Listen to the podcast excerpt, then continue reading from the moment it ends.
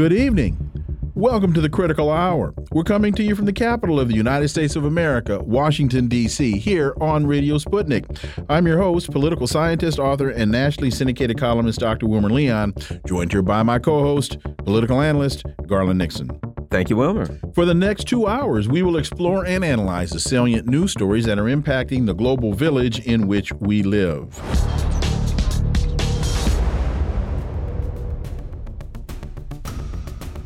Sputnik International reports Iran deploys warships with 600 kilometer range missiles on board during Snap Gulf drills.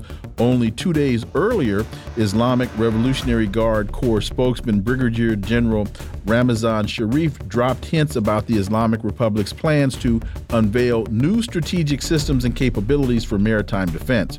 This while the Ocean Shield 2023 military drills have begun in the Baltic Sea, involving more than 30 Russian Navy ships and vessels, as well as 30 aircraft and about 6,000 military personnel, according to the Russian military Ministry of Defense. For insight into this, we turn to our first guest. He's an international geopolitical consultant, global speaker, author, veteran, and former international security analyst in Washington, D.C. He's the founder of Global Perspective Consulting, headquartered in Dallas, Texas. Dr. David Oualaalou, as always, welcome back. Pleasure to be with you, Wilmer. Dr. Oualaalou, there are a lot of ships in the water, whether it be Iran or whether it be uh, Russian Navy warships, these two countries are putting a lot of ships in the water. That's a lot of flexing. Your thoughts, David Oualaalou? Well, yeah, actually, they're putting a lot of ships, but there is a reaction to an action that has been taken by the U.S. when it announced that it would be sort of deploying its aircraft carrier to the Persian Gulf. That's one on the Persian side, on the Persian Gulf side. Well, in the case, because we have just for your listeners to not to get overlapped with this, so much information here, we split it in two parts. One part has to do with Iran, and the other part has to do with the Black Sea, of course. Well, in the case of Iran, the IRGC uh, said that the exercises aimed at displaying, of course, uh, IRGC's naval capability. This is why they are deploying the new long range or the range of missiles of 600 uh, kilometers and so on. This is in a reaction to the announcement by the U.S. that it will deploy the, the uh, aircraft. But there is another issue regarding this that is not getting too much coverage. And this one has to do with the freezing of negotiations between the United States and Iran, believe it or not. It was done behind closed doors that most media didn't even report on it. As a matter of fact, U.S. representatives for the negotiations, Robert O'Malley, has been now excluded from the, the, the negotiations. Which they've been going, uh, they, they've been proceeding fine for the last month and a half. All of a sudden, he's been yanked. Uh, Malley, that is, exclusion coincided now with the leaks in the Iranian and American media that both of them were holding secret talks. And this is where you see those dynamics IRGC will have to prepare militarily, but also the, the, the announcement is that well, it's a reaction to the U.S. announcements about deploying the aircraft carriers. As to the Russian side for the Ocean Shield 2023 military drills, this coincided also with what Russia is going to be doing, or it's already did. What am I referring to here? I'm referring here, here to the announcement by President Putin that they will enter into deployment a new 30 new ships this year. And we all know with what took place with the drone attacks on Moscow and Crimea. And of course, we all have to ask the question Ukraine doesn't have this kind of capability. Second, there is no way uh, a, a drone will be flying all the way from Ukraine to to across the airspace of Russia. That means Ukraine got some assistance of sort. But now the U.S. wanted to almost behind closed doors save face by saying, well, maybe the Ukrainians might enter into peace talks with Russia comes next fall. The deployment of the of the exercises in the Black Sea to me is also an indication that Russia is prepared for whatever the West can think of or throw at it. Iranians are doing the same. You know, and also with the uh, Iranian Navy, I think um, one of the uh, important um, uh, uh I'll put it like this: an important piece of leverage for Iran is that they can control the Straits of Hormuz. I, I read an article one time about um, uh, international oil trading, and basically they said that if the Iranians were to close the Straits of Hormuz, it would crash the world's derivatives market, and that had to do with speculating futures in oil and how how much of the uh, how much of the oil passes through the Straits of Hormuz. That basically Iran can can can do serious damage to the you know speculation, derivatives, all of that stuff. So I think part of the Navy deployment of them it might be to to, to, to once again discriminate uh, uh, excuse me to show hey don't forget how much we pow how power we have by controlling this one of the world's critical sea routes. Your thoughts? Well you're absolutely correct Garland I wrote a book about Iran called the volatile state Iran in the nuclear age and I detailed this aspect that you just talked about regarding the Strait of Hormuz. It's a narrow strait, just for your uh, uh, uh, listeners to know, at about 1.9, 1.4 to 1.9 miles. That's it. What's important about it is you got one fourth of oil, uh, uh, of global oil, shipped through that narrow strait. So if it is shut down, everybody's going to feel the economic pinch one way or another. And Iran has already went ahead and put mines under the water there just in case. And this is why we are not, we kind of, we just say, well, we're going to do this and this. We know the reality. We can't do that because if they shut down the Strait of Hormuz, there will be no more oil around the world for a while, except that countries will have to use the reserve. And that's going to create a major economic uh, pressure around the world. So that is the reason why. U.S. News reports uh, Poland rushes troops to border. Belarus denies helicopter violation. Uh, Poland said yesterday it was rushing troops to its eastern border after accusing Belarus, Russia's closest ally, of violating its airspace with military helicopters. The Belarusian military denied any such violation and accused NATO member Poland, one of the Ukraine's most fervent backers in its conflict with Russia, of making up the accusation to justify a buildup of its troops.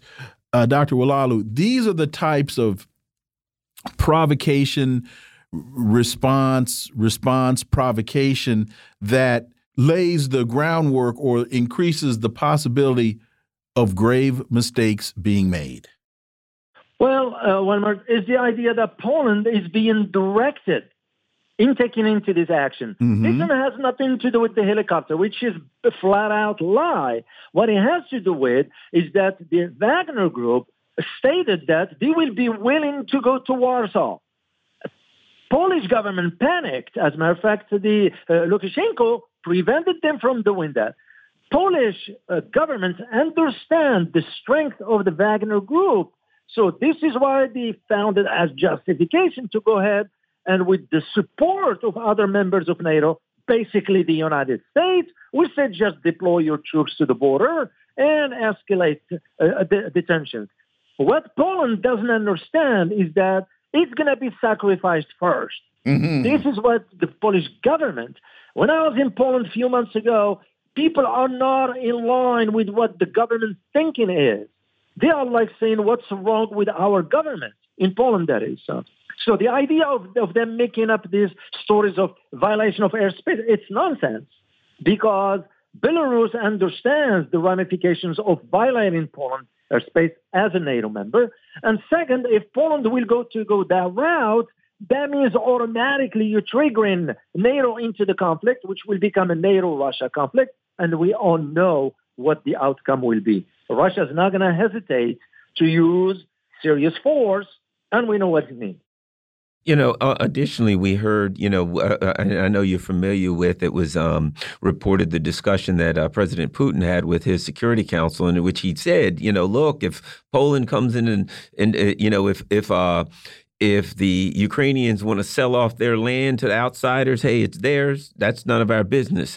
But if they start to fool around with Belarus, well, then we're going to have a, a very serious problem. Uh, uh, your thoughts on that? We got one minute left.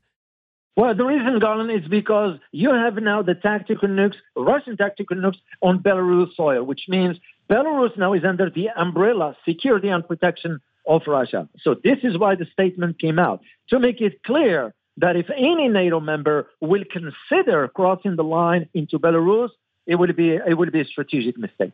Dr. David Oualaalou, as always, thank you so much for your time. Greatly, greatly appreciate that analysis, and we look forward to having you back. My pleasure. Folks, you're listening to the Critical Hour on Radio Sputnik. I'm Wilmer Leon. I'm joined here by my co host, Garland Nixon. There's more on the other side. Stay tuned.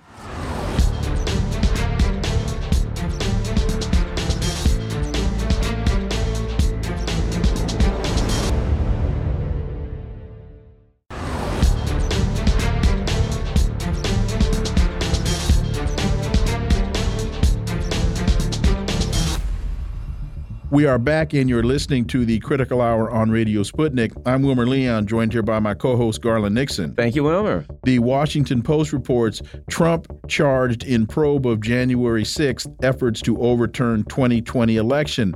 The indictment alleges four different crimes and describes six unnamed, uncharged co conspirators. This while the Federalist reports evidence of Biden Burisma corruption is overwhelming. For insight into this, let's turn to our next guest. He's one of the top lawyers in California, if not the country.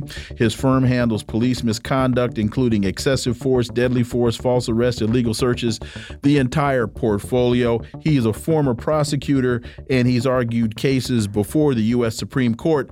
Attorney John Burris, as always, welcome back. Well, thank you. Good to be with you. Uh, a momentous period of time. It is.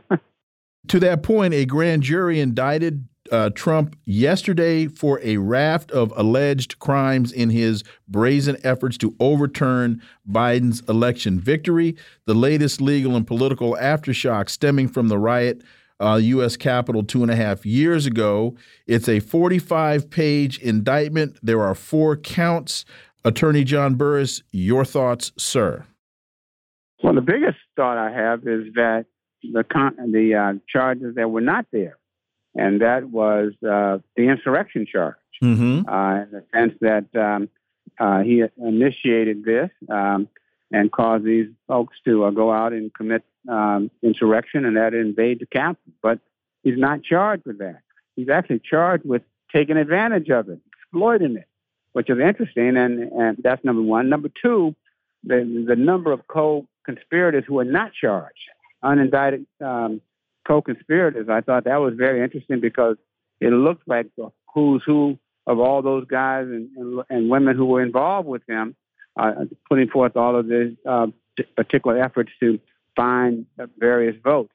Uh, obviously, Rudy Giuliani is number one person, and the other guy named Easton, uh, and, and, along with the the, the lady. Um, really surprising that any of them were not charged at this stage. Although, when I understand, the strategy is that he didn't want to have so many lawyers involved in the case at this point in time, and that he wanted to go strictly after Trump, thinking that would be less confusing uh, for a jury and more likely to be able to get the case uh, to trial sooner than later. So apparently, it's a good strategy. Uh, it just was surprising that these other folks were left out, and it didn't charge insurrection, which seemed to be uh, what he really did. So, among other things. So the charges that he did make, I thought it was interesting about the one that uh, uh, uh, denying um, uh, the constitutional rights of quote the community at large, and that is preventing uh, trying to nullify the validity of the votes of, of, of the citizens. So uh, there, there were some interesting components to it, and it looks like the kind of case that could be a he said she said kind of event. You know, uh, particularly if he doesn't testify, or if he does testify, it's clearly that. But if he doesn't testify, and then you will have the words of various members who were part of the, the apparatus and to see whether or not they ultimately are believable or do they get some kind of benefit in exchange that will cause questions of their credibility. So I, even though it sounds good on its face, I don't view it as a slam dunk in terms of a case. Uh, if you look at it from a lawyer's point of view, there's probably a lot to be done with it. Yeah, when I looked at it, and, and my first thought was, you know, based on, and certainly I don't have the experience that you have in court, but I've spent a lot of hours in court from the other side of the on the other side of the uh, the aisle. But at any rate, um, I look at it and I'm like, man, to get 12 people, uh, it, those uh, look at those charges. They're going to be tough unless they have a really friendly jury. It's going to be tough to get um, uh, I would think if he has good attorneys to get uh, guilty pleas on those. That, that, that to say it's not a slam dunk case, I think you're being generous to the prosecution. What do you think? I don't think I'm being that generous to them, but uh, I do think there's real possibilities. Number one, you have a favorable judge who's going to give good rulings, and number two, you have a DC jury, uh, and so those are very positive attributes for the prosecution.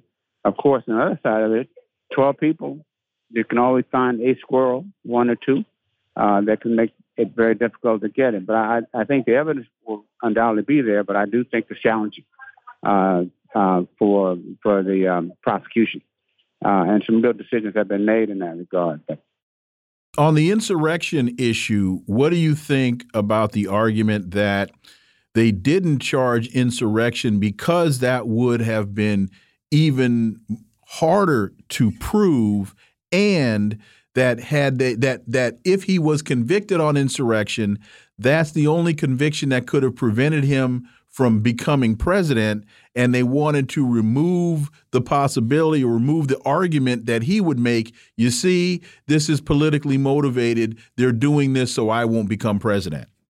I think that's a strong argument that would have been made and it will have some validity given how uh, some acceptability amongst not only the Trump crowd but also I think in terms of some independence as well. Um, because if you could charge other matters and you didn't have to charge this particular one, then then um, it, it, really uh, raises real questions uh, about the uh, about the purpose uh, for all the charges. Because there's a lot of issues here now that are political. That is to say that people think that because of all these charges, that his argument that they're out to get me you know, has some uh, will have some validity amongst a lot of different folks. Uh, and so I think that to the extent he could cut down the political interpretations uh, was probably a good um, uh, a good decision on his part. And I, I, think while yeah that does, but I mean Garland, for instance, I'm far to the left of the Democratic Party. Uh, Trump would never be happy with with my revolutionary political nature, but I look at it and I'm like, I look at New York. They literally changed the law in New York. They literally went into session and said, Oh, you can't sue Trump. Let's change the law so this lady can sue Trump. And then one minute after 12, when they changed the law, she sued Trump. And, and no one else has used that. And I'm like, it certainly appears as though the legislature of New York literally changed the law for one man, and that was Donald Trump as a person who, like I said, I don't like Trump and he sure wouldn't like my politics, I look at it and I think to myself, this is not just, and I got to stand against something that's not just. What do you say to me, uh, uh, uh, Brother Burris? I don't think it's I don't think it's totally unjust. Um, there is a question here about one of the statutes that's not used that often. That is that is the denial of um, the rights of citizens, and by taking away their votes. That's not something that has been used before, not largely because it hasn't had that kind of problem exist before. I, I think the conspiracy charges are kind of mild. Uh, those conspiracy charges are, are, not uncommon in terms of the conduct of engaging um, in, in trying to one or two people trying to do certain things. I think the I think the conspiracy charges have a lot of value. I think the only question that I see with that is whether or not the politicalness of him uh, and his ability to raise questions of, of, a political nature for the public at large, one juror may all it takes now that can hold it back. But in D.C., a black jury, it's going to be very difficult uh, to find that one black juror. So if I'm on the defense side, I'm working very hard, hard, hard to find that either white person for the jury or a black Republican for the jury. I'm put it like this: I'm far to the left of the of both parties they probably wouldn't. You you probably wouldn't want me on the jury either. well, given the, I heard you speak the last month or two, I surely wouldn't.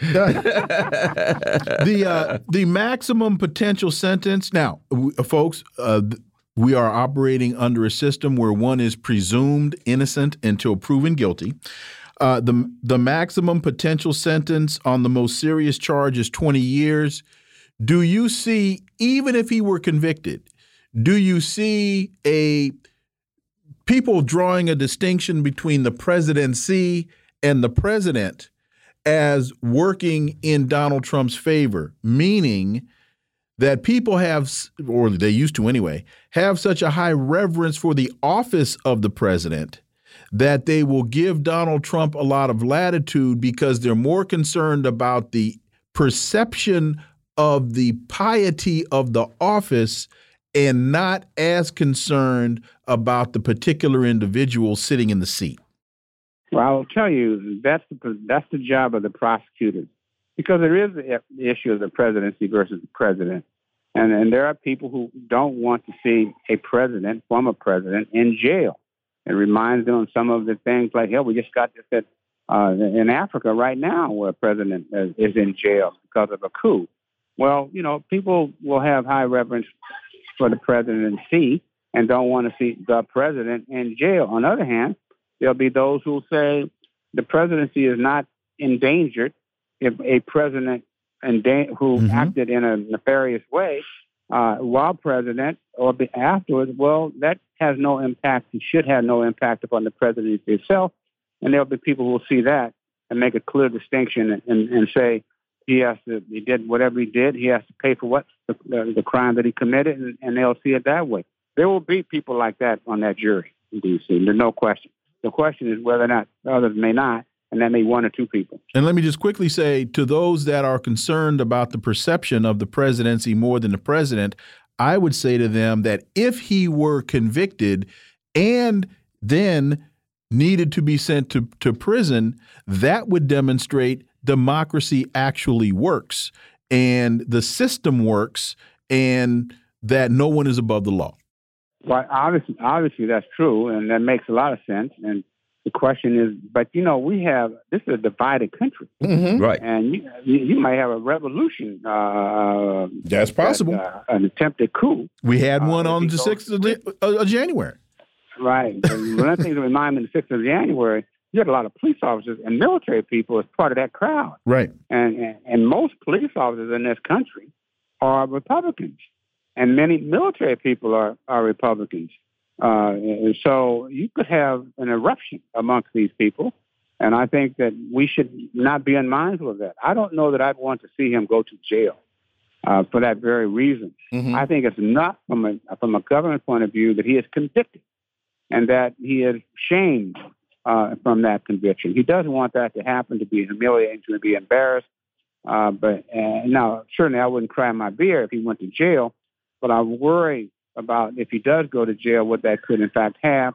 But it does go back to the other point is, well, if you break the law in the manner in which he did, which is most serious nature of trying to overturn, overturn an election, well, that requires, you know, some degree of punishment. And that punishment, the best we have is incarceration because it can't be money because he has money. So, and it can't be home confinement because he lives in a mansion. So, uh, you know, it seems to me that if they want to make sure that there's a real sense of acknowledgement that the crime was bad and the fact that you at the highest office and you did this and tried to overthrow the government, then you should have to pay the highest price.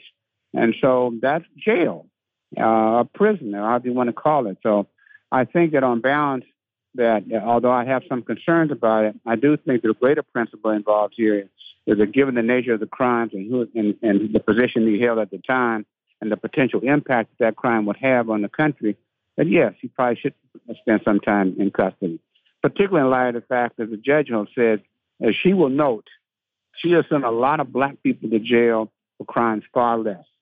And and that's how she looked at the other insurrectionist people. She sent a lot of folks to jail who otherwise the government didn't want to go to jail. But she did so in large measure because of the sense of parity that she has sent people to jail far less uh, crimes than these people have done. And so, in her own mind, that parity requires an acknowledgement of equal justice, requires jail time, which is a wonderful concept, which is not new, generally employed. And so I hope it does come to pass here if the conviction takes place, keeping the presumption of innocence in mind.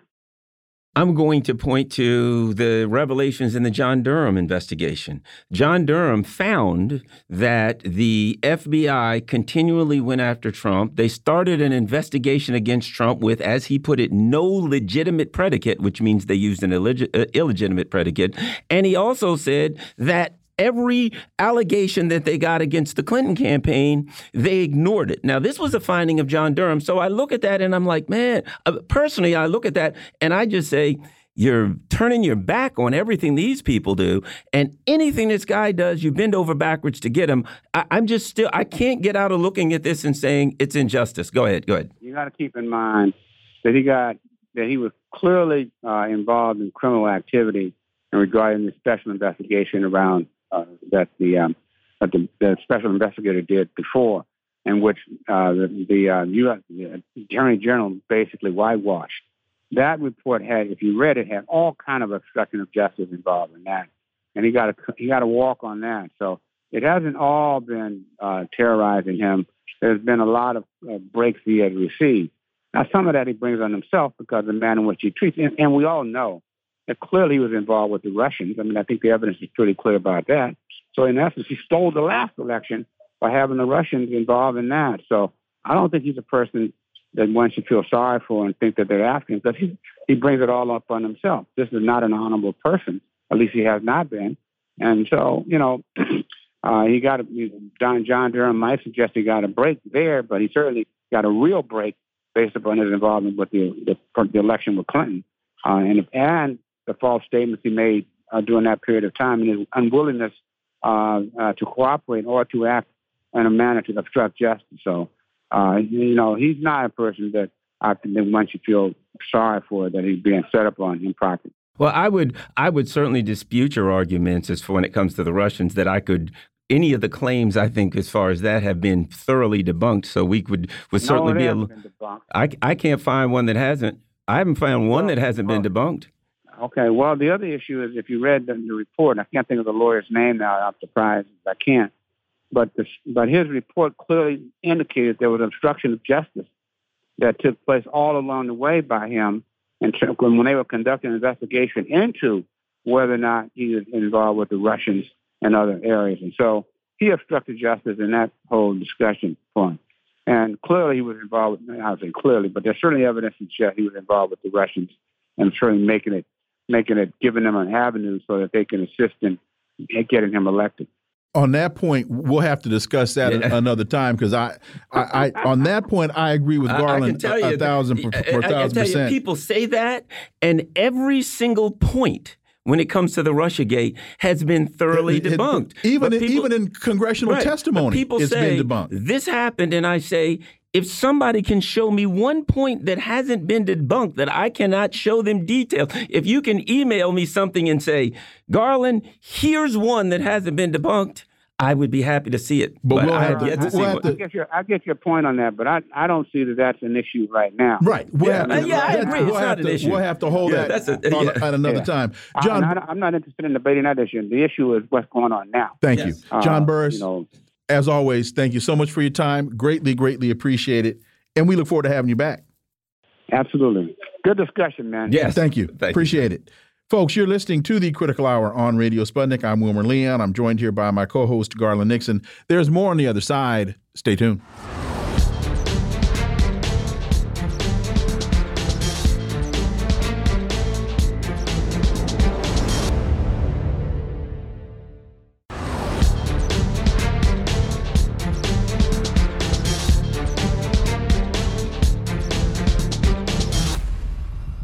We are back, and you're listening to the Critical Hour on Radio Sputnik. I'm Wilmer Leon, joined here by my co host, Garland Nixon. Thank you, Wilmer. Patrick Lawrence writes in Consortium News the Biden's Burisma bribery. Seven years ago, the DNC e email leak set Russiagate in motion. Now comes FD 1023, an FBI document exposing Biden making fully corrupt use of Washington's leverage in post coup Ukraine. And may I say, oh, by the way, a coup fomented by the U.S.'s Victoria Nuland and by, who's Biden's new Assistant Secretary of, of State nominee. For insight into this, let's turn to our next guest. She's a political commentator and podcast host, Misty Winston. As always, Misty, welcome back. Thank you so much for having me. I appreciate it. And Patrick Lawrence continues let us cast our minds back just briefly to the very fine afternoon of July 22, 2016. It was an especially bright Friday, as you may recall, because WikiLeaks released a lot of Democratic Party emails that day, so shining a light worthy of a night game at Yankee Stadium on the party's corrupt machinations to destroy Bernie Sanders' presidential bid in the service of the first Goldwater Democrat, the ever endearing Hillary Clinton. Misty, Patrick Lawrence is drawing parallels and, and comparisons between where we are now with Biden's Burisma bribery and the WikiLeaks release of these documents regarding the Clinton campaign. Your thoughts? Well, I think what the interesting comparison here is is the um, unbelievable attempt to cover it up. I think after uh, the release of the WikiLeaks uh, documents, the emails, uh, all of that stuff, uh, there was a desperate attempt, and I think Patrick Lawrence goes into this in his article, where they went on a full uh, frontal assault, where they were trying to control the narrative, and that where they were desperately trying to distract away from the contents of the email, and they just wanted to spin their narrative about who who released the emails and why, and all of that stuff. And they're very much doing the same thing here with the Burisma stuff, and they're trying desperately to spin the narrative. Uh, unfortunately for them, I don't think it's going to work. You know, the damning thing here, and that is uh, the most important thing in this uh, article, is a link to the actual 1023 FBI form. And when you read the form and you realize that someone came to the FBI in June of 2020 and completely spilled the beans on Joe Biden and that they had corroborating evidence from Joe Biden himself making statements that he did specifically what they were what what what what um, was alleged against him. That apparently the person said there's audio recordings of Biden. And you ask yourself, what did the FBI ever do? Did they follow it up? Nothing that we know of. That is damning evidence that the government, that the system itself, deliberately, with malice and a forethought, covered up uh, uh, for the, the Biden family's corruption. Misty. No question. And right before an election, I think, you know, it's it's so interesting for, you know, the past, I mean, since 2016, what is that, seven years ish, they've been screaming about election interference from Russia. This is legitimate election interference. There's no question about it. Uh, not only did the FBI obviously uh, fail to do their job and to investigate this any further, at least so far as we know uh, currently, uh, but also the mainstream media went into overdrive, uh, covering this up. The social media companies like Twitter and Facebook uh, were, were making sure that it was silent that it was suppressed, that the story wasn't even able to get out. Uh, and so I think that you're right. This is absolutely damning evidence. And there's, uh, frankly, there's so much more that I think hasn't even been released yet. And this is going to get really sticky for the Democrats. Patrick Lawrence continues to the end of his piece. Uh, Miranda Devine, a divinely dogged New York Post columnist, published a commentary after the paper's piece on the revelations of the FD 1023 uh, headlined The Joe Biden Bribe Allegations Need a Special Counsel Now. He continues The story of the Biden family's corrupt influence peddling scheme, which netted tens of millions of dollars from Ukraine, China, Russia, and beyond, is scandal enough. But the cover up from big tech censorship of the Post's reporting from Hunter's abandoned laptop and CIA lies is bigger than Watergate. Do you think that that's hyperbole or do you see what we are heading into now with this whole Biden um, fiasco is, in fact, will prove to be bigger than Watergate? I think for sure. I think that it is. Uh, I mean, objectively speaking, if you look at look at this. This is multiple uh, huge corporations, like I said, Facebook, Twitter, these big social media companies that literally control the public domain, the public square, if you will. Uh, they control all of the conversations that we have, uh, you know, generally speaking. And I think that the the uh, uh, just completely uh, avert, like obvious attempts that they have made to cover up this story, to censor it, to silence people who were talking about it. I mean, they took down the New York Post's entire Twitter page for weeks Uh, and it turns out that, the, that and they tried to claim it was because it was misinformation. Turns out this story is legitimate to its core, and there's so much more than even we knew then. And so, yes, I think that this uh, the censorship campaign, as uh, Matt Taibbi and Michael Shellenberger have been calling it, the censorship and industrial complex. I think that this is a huge problem that we need to contend with as a society because, I mean, they really do control uh, the public square at this point. And here's the other irony here. Two things that we were told about Donald Trump. Number one, the Russians have information on him that could compromise him when it comes to national security decisions. If these things are true, which they appear to be, that means that there are people in Ukraine, possibly even Zelensky, who have Joe Biden by the short and curlies and can say to him, Nope, you will not stop sending us stuff to Ukraine. No, you will not tell us to. You will do what we tell you to do, or we'll take you out, Joe Biden. You could not get more compromised in any country than Joe Biden is in Ukraine, number one. And number two, uh, election interference, interfering with an election by paying what's her name, uh, Stormy Daniels or whatever, right? The FBI had Hunter Biden's laptop. They knew it was valid, and they went to the social media people and said, "Oh yeah, no, it's not valid. There's no laptop. It's um, Russian propaganda. Be ready to censor it." You, the, the, election interference here is overwhelming. Isn't it ironic that these two big charges they make against Donald Trump are overwhelmingly appear to be Joe Biden's uh, Achilles' heels, shall we say?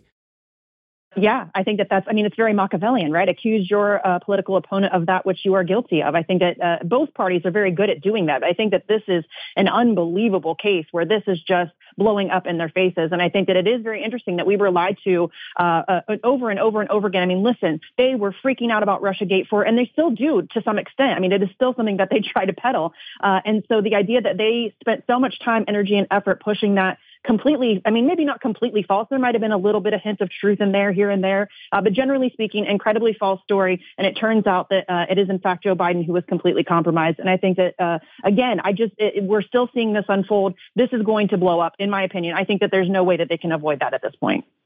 Sputnik International reports Trump indictment shows free, fair 2024 election no longer possible. Former President Donald Trump was indicted a third time yesterday, this time on charges related to alleged illegal effort to overturn the 2020 election. Trump has denied any wrongdoing, while his campaign has compared the political persecutions of him and his supporters to Nazi Germany in the 1930s.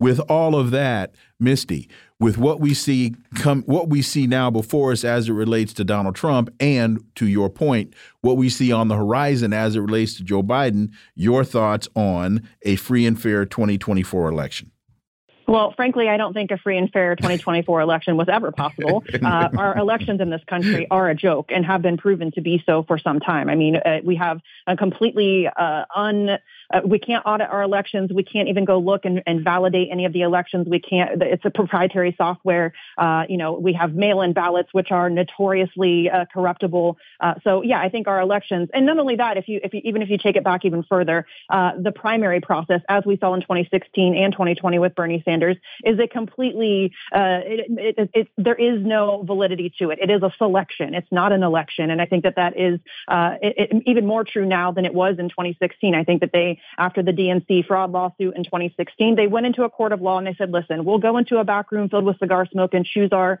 candidate however we want to, and there's nothing that you can do about it. Uh, and I think that that's even been uh, strengthened. Their resolve on that has even been strengthened further. In the Democratic Party, I think the Republican Party is equally as guilty of those types of things.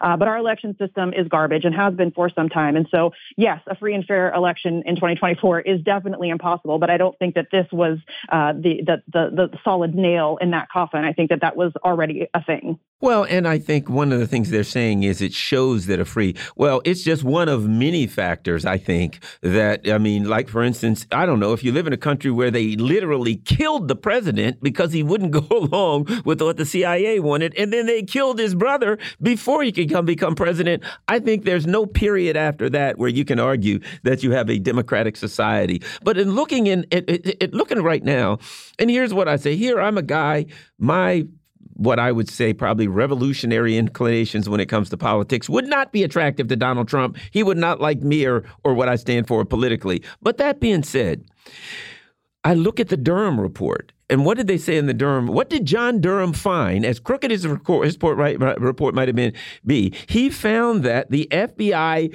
deliberately ignored allegations against Clinton and her people, and they ran through stop sign after stop sign going after Trump. When anything they could find, they went after Trump. Any allegations against Hillary this uh, uh, were, were, overlooked. When I look at Biden right now, they have had to work really, really hard to keep from looking in to the allegations for three years now.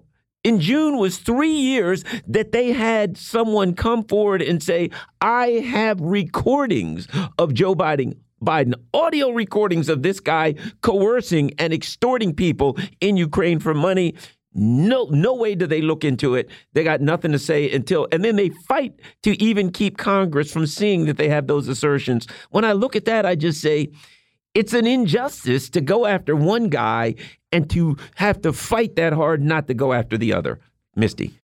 Yeah, 100%. I think that it is very apparent that these, uh, and I mean, I hate to use the term witch hunt because it's something that Trump uses, but he's not wrong. Uh, this is a political witch hunt. I think that that has been made abundantly clear. And the disparity, not just in the, in the way in which that they are going after Trump as opposed to the way that they are ignoring the crimes of Biden, the obvious crimes of Biden that we have an abundance of evidence for. But I think also we need to look to the way that the media is covering it because the disparity in coverage is, I mean, it's fascinating. The idea that they are, uh, you know, everybody was talking about the fact that Trump was indicted for the third time. And it's very difficult. There's very sparse coverage of any of the stuff that's coming out against Biden. And I think that that is a huge, I mean, I'm, I'm somebody that is very hyper fixated on, uh, you know, the, the problems with our mainstream media. I, in my opinion, I think mainstream media is one of the greatest threats that we face in this country. Uh, the way that they're able to manipulate, manipulate narratives uh, and lead us down the wrong path and misinform us and all of those things. Uh, and I think that this is a really great example of how they are so effective in doing that because because everybody knows what's happening with Trump. Very few people know the reality about what's happening with Joe Biden. And we have just about a minute and a half left. And my question there is is that uh, is the Trump indictment an intentional distraction or uh, is it just the fact that a uh, former that a, a, former president has been indicted and that the Biden stuff is is on the heels, or, or so is it is it intentional? We got one minute. I think it's probably a little bit intentional. There might be a little bit of both of that. I think that there is some, definitely they want to distract away from what's happening with uh, Joe Biden. I think that that's a big part of it. But also, I think it is a story. Obviously, a former president being indicted is a story, and they are going to cover it. But I, just the disparity in coverage, I think, is what is interesting. Misty Winston, as always, thank you so much for your time. Greatly appreciate that analysis, and we look forward to having you back. Thanks, fellas.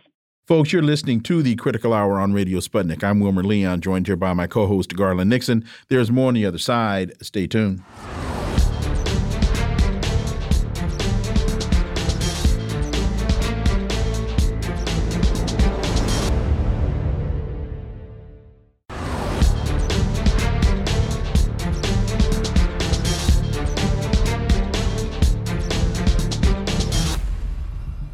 We are back, and you're listening to the Critical Hour on Radio Sputnik. I'm Wilmer Leon, joined here by my co host, Garland Nixon. Thank you, Wilmer. As we've been discussing, on 26 July of this year, a coup d'etat occurred in Niger in which the country's presidential guard detained President Mohamed Bazoum and presidential guard commander General Abdourahmane Tiani proclaimed himself the leader of the new government. Presidential guard forces closed the country's borders, suspended state institutions, and declared a curfew. Now we know Niger's neighbors, Burkina Faso and Mali, say any intervention to restore deposed President Bazoum will be considered a declaration of war against them. This while, this past Sunday, ECOWAS gave Niger's coup leaders one week to reinstate the detained president, or it would use, quote, all measures, end quote, including military, to restore order in the African nation. And the Committee of Chiefs of Defense Staff of ECOWAS, they're meeting in Abuja from August 2nd to the 4th on the political situation in the Republic of Niger. They're meeting today and, uh, through Friday.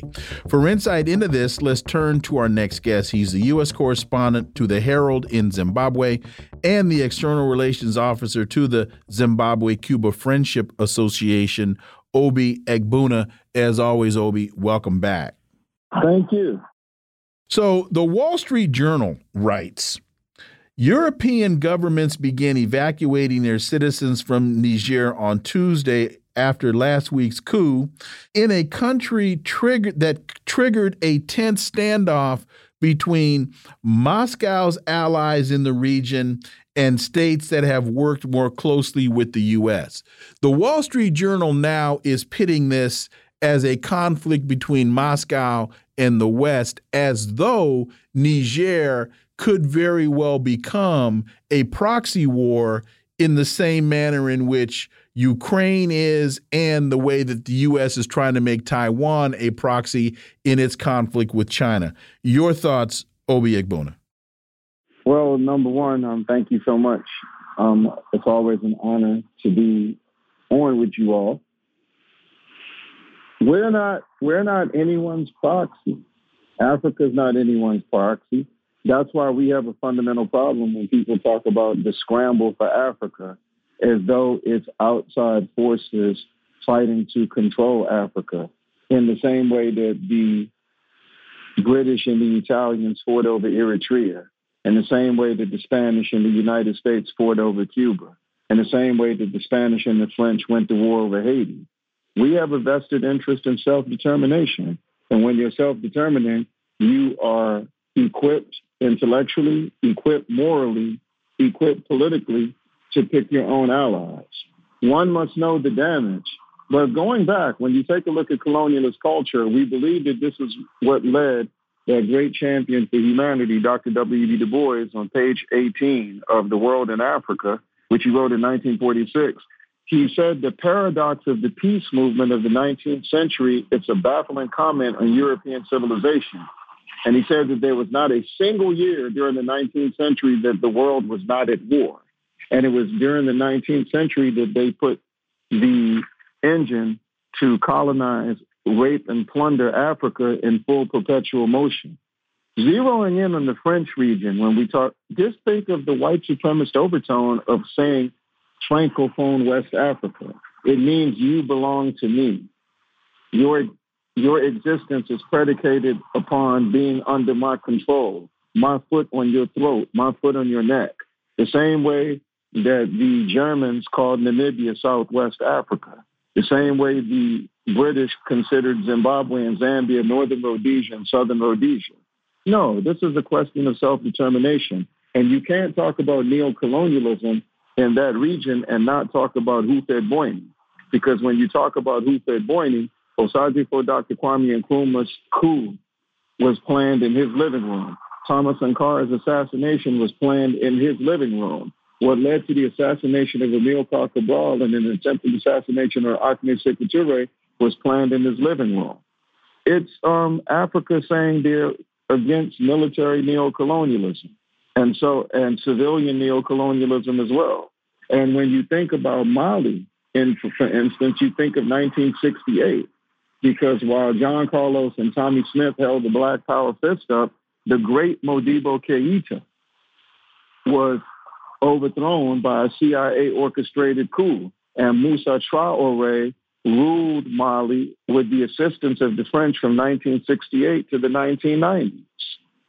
And so, and then when you take a look at the regional agreement that the Federation, that Mali and Burkina Faso have established, that is, an, that is a continuation of the strategy that was put in place when Osagyefo Dr. Kwame Nkrumah of Ghana Ahmed Sekou of Guinea and Modibo Keita of Mali had the Guinea Ghana Mali Federation in the early 1960s, which led to us having an ECOWAS, which led to us having a NEPAD, which led to us having a COMESA, which led to us having a SADC, where we began to understand that regional stability was an extension of self-determination and could be a vehicle to bring revolutionary Pan-Africanism forward. As far as the Russian factor, we know that um, Af- Af- several African nations were just in St. Petersburg in Russia meeting with um, President Putin, and he talked about waiving um, um, the grain that we're receiving from uh, Russia now. And also, in addition to that, it was a reaffirmation of Russia's um, commitment to respect Africa's sovereignty. And the bottom line is, regardless of the Russian Ukraine conflict, when it comes to a comparative analysis of Russia's Africa policy to the United States Africa policy, Russia respects our sovereignty. U.S. imperialism does not respect our sovereignty. So, regardless of where they fall on the issue, it makes logical sense for us to gravitate to those who respect our sovereignty and are not paternalistic and are not dogmatic. Obi, uh, the uh, leader of Burkina, Faso, uh, Ibrahim Traore, uh, was uh, gave a, a, what I would consider a historic speech in Russia. I'll read uh, just a little bit from it. When we, the people, decide to defend ourselves, we are labeled as militias. But that's not the problem. The real problem is seeing Africa's leaders who do nothing for their people's fight but echo the same sentiments as the imperialists, labeling us as militias and men who do not respect human rights. We African leaders must stop behaving like puppets who dance whenever the imperialists pull the strings. Here's a young man who's 35, who's years, 34 years old, brother. 34 years old. Who said, "Go ahead." Feels that way because the whole time he's been on this earth, Burkina Faso was under the neo-colonialist military dictatorship of Blaise Compaoré, who assassinated Thomas Sankara in 1987. So the so the blood of any genuine patriotic daughter or son of Africa boils, whether we have military neocolonialist leaders or civilian neocolonialist leaders. When we were in the streets in the 90s fighting against naked police terrorism in the United States, Traore in Mali was overthrown. Mobutu, the godfather of military neocolonialism, was shown the door. Abacha and Babangida in Nigeria were shown the door. Mengistu was shown the door in Ethiopia. This made an affirmative statement that we would not tolerate military neocolonialism. However, it opened the door for civilian neocolonialism. But with the installment of the U.S. Africa Military Command, we know imperialism does not give up easy. So they're trying to remilitarize Africa, even though that is in diametrical opposition to the sentiments of the people. So the fact that he sounds like Thomas Sankara, and he's extending and he's looking like he wants to take Burkina Faso in that direction, more power to him. The fact that Mali wants to go in the direction of Modibo Keita, more power to them. The fact that Niger wants to go in that direction. And this is where it becomes a little tricky because they can be revolutionary while we're against military neocolonialism at the same time we do have great fighters who come from the military ranks, but they don't militarize their government. Ahmed Ben Bella of Algeria had a military background. Gamal Abdel Nasser of Egypt slash Kemet had a military background. Thomas Sankara had a military background, but they had revolutionary governments because they embraced a revolutionary ideology. And Osagyefo Dr. Kwame Nkrumah warned us about soldiers being in power with the soldier mentality because they will militarize their government, meaning they will militarize policy, militarize culture, militarize life, and that is to the detriment. So just because these young brothers have come from a military background, it's abundantly clear that they have enough political sophistication not to militarize their government. Robert Mugabe had a military background, came out of the bush and became uh, president yeah, of. But, of he, but he was a teacher. But he was a teacher. I'm talking about people now. Interestingly enough, the man who many people felt would have been vice president. Thank you for that. The mighty Josiah Magama Tongogara, who led the armed struggle in Zimbabwe. He had a military background, but he went beyond the call of duty to talk about how Zimbabwe was going to have a socialist government so that the people would not be intimidated. And so it's very important. And what imperialism does is if it's someone who comes from a military background who they do not control, who is going to demilitarize um, their ranks to make sure that people aren't intimidated, they trumpet the fact, oh, this person comes from a military background. But they're the ones who have put money, their words, their heart and soul behind every ruthless military dictatorship that Africa has had, that Latin America has had, and the Caribbean has had.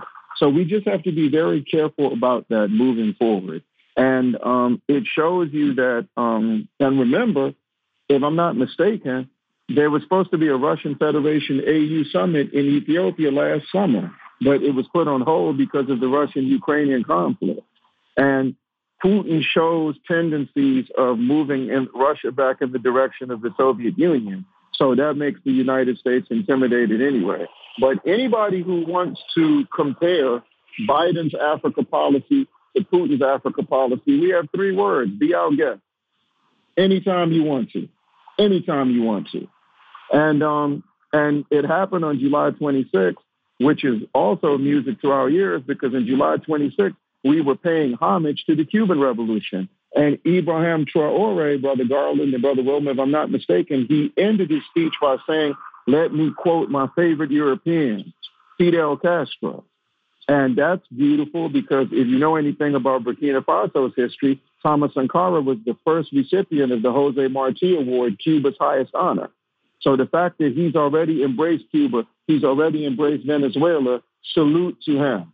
He's a soldier in the struggle, not just a soldier in the military. And we will stand with them against Biden, against NATO, against anyone who wants to continue the cycle of rape, domination, and plunder because they think, as Maurice Bishop said, imperialism thinks that Africa, the Caribbean, and Latin America are in their backyard. And it is, and we are not. We have just two minutes left. Sputnik International reports arms for Ukraine ending up in terrorist hands in Africa. And this is according to uh, uh, the president of Burkina Faso. And that was one of the elements that prompted me to reference this conflict as becoming a possible proxy war. Got about a minute and a half. Yeah, I mean, no, and trust me, you're you're definitely you're definitely on the right track. But this is why Osagyefo Dr. Kwame Nkrumah 50 years ago said Africa needs a all African unified military command so that we can have a military apparatus in place guided by the correct political ideology, taking the political, cultural, and economic landscape into consideration. So that, that struggle continues, and we're going to get it right because we don't want military neocolonialism. We don't want civilian neocolonialism. We don't want cultural neocolonialism. We don't want any form, expression, or machination or mechanism rooted in neocolonialism. Ahmed Sekou Toure said imperialism will find its grave in Africa. Looks like we got some shovels out and we're doing some digging. Thank you very much. Obi Egbuna, as always, thank you so much for your time. Greatly appreciate that. Look forward to having you back. Okay, uh, it's a pleasure to be on, and we just want people to join us on Sunday, August 6th. Our children are doing an artistic tribute to the Henry Reed Medical Brigade Cuba doctor. We'll forward that information to both of you, fine, courageous gentlemen. Thank you very much. Have a good day. Appreciate it, Obi. All right. Folks, you're listening to the Critical Hour on Radio Sputnik. I'm Wilmer Leon. I'm joined here by my co host, Garland Nixon. There's another hour on the other side. Stay tuned.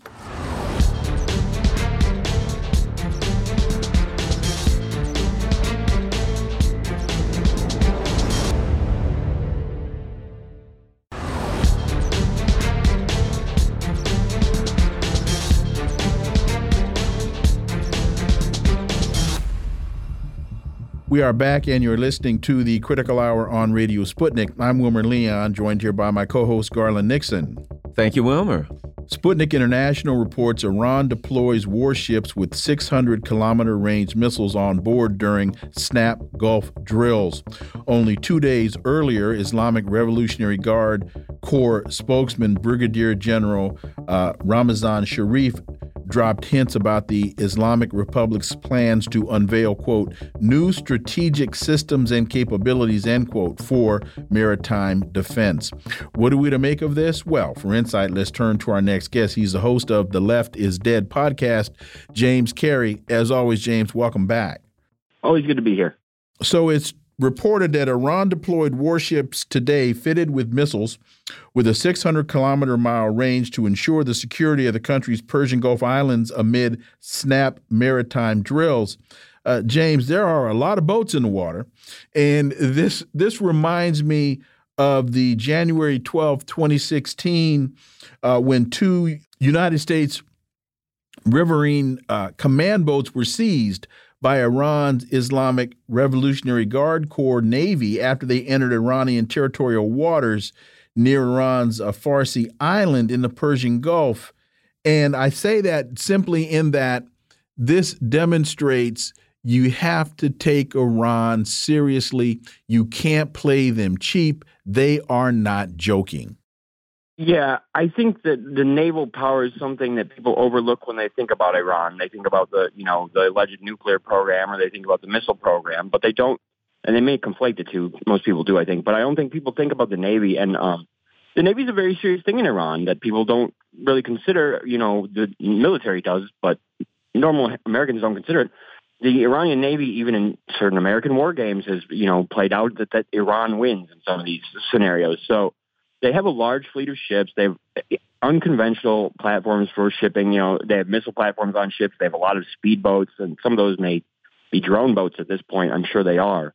Um, I think that the U.S. would have a hard time getting to land in Iran, and that's what people forget. And as the like you said, there's a lot of boats in the water. They're not all Iran's. You know, the U.S. has been putting more there. The UAE has backed out of recent deal, has backed out of their deal with the U.S. to guard the Gulf. Iran's searching for partners to work on Gulf security with in in the you know the Arab states, Saudi Arabia, UAE, Qatar.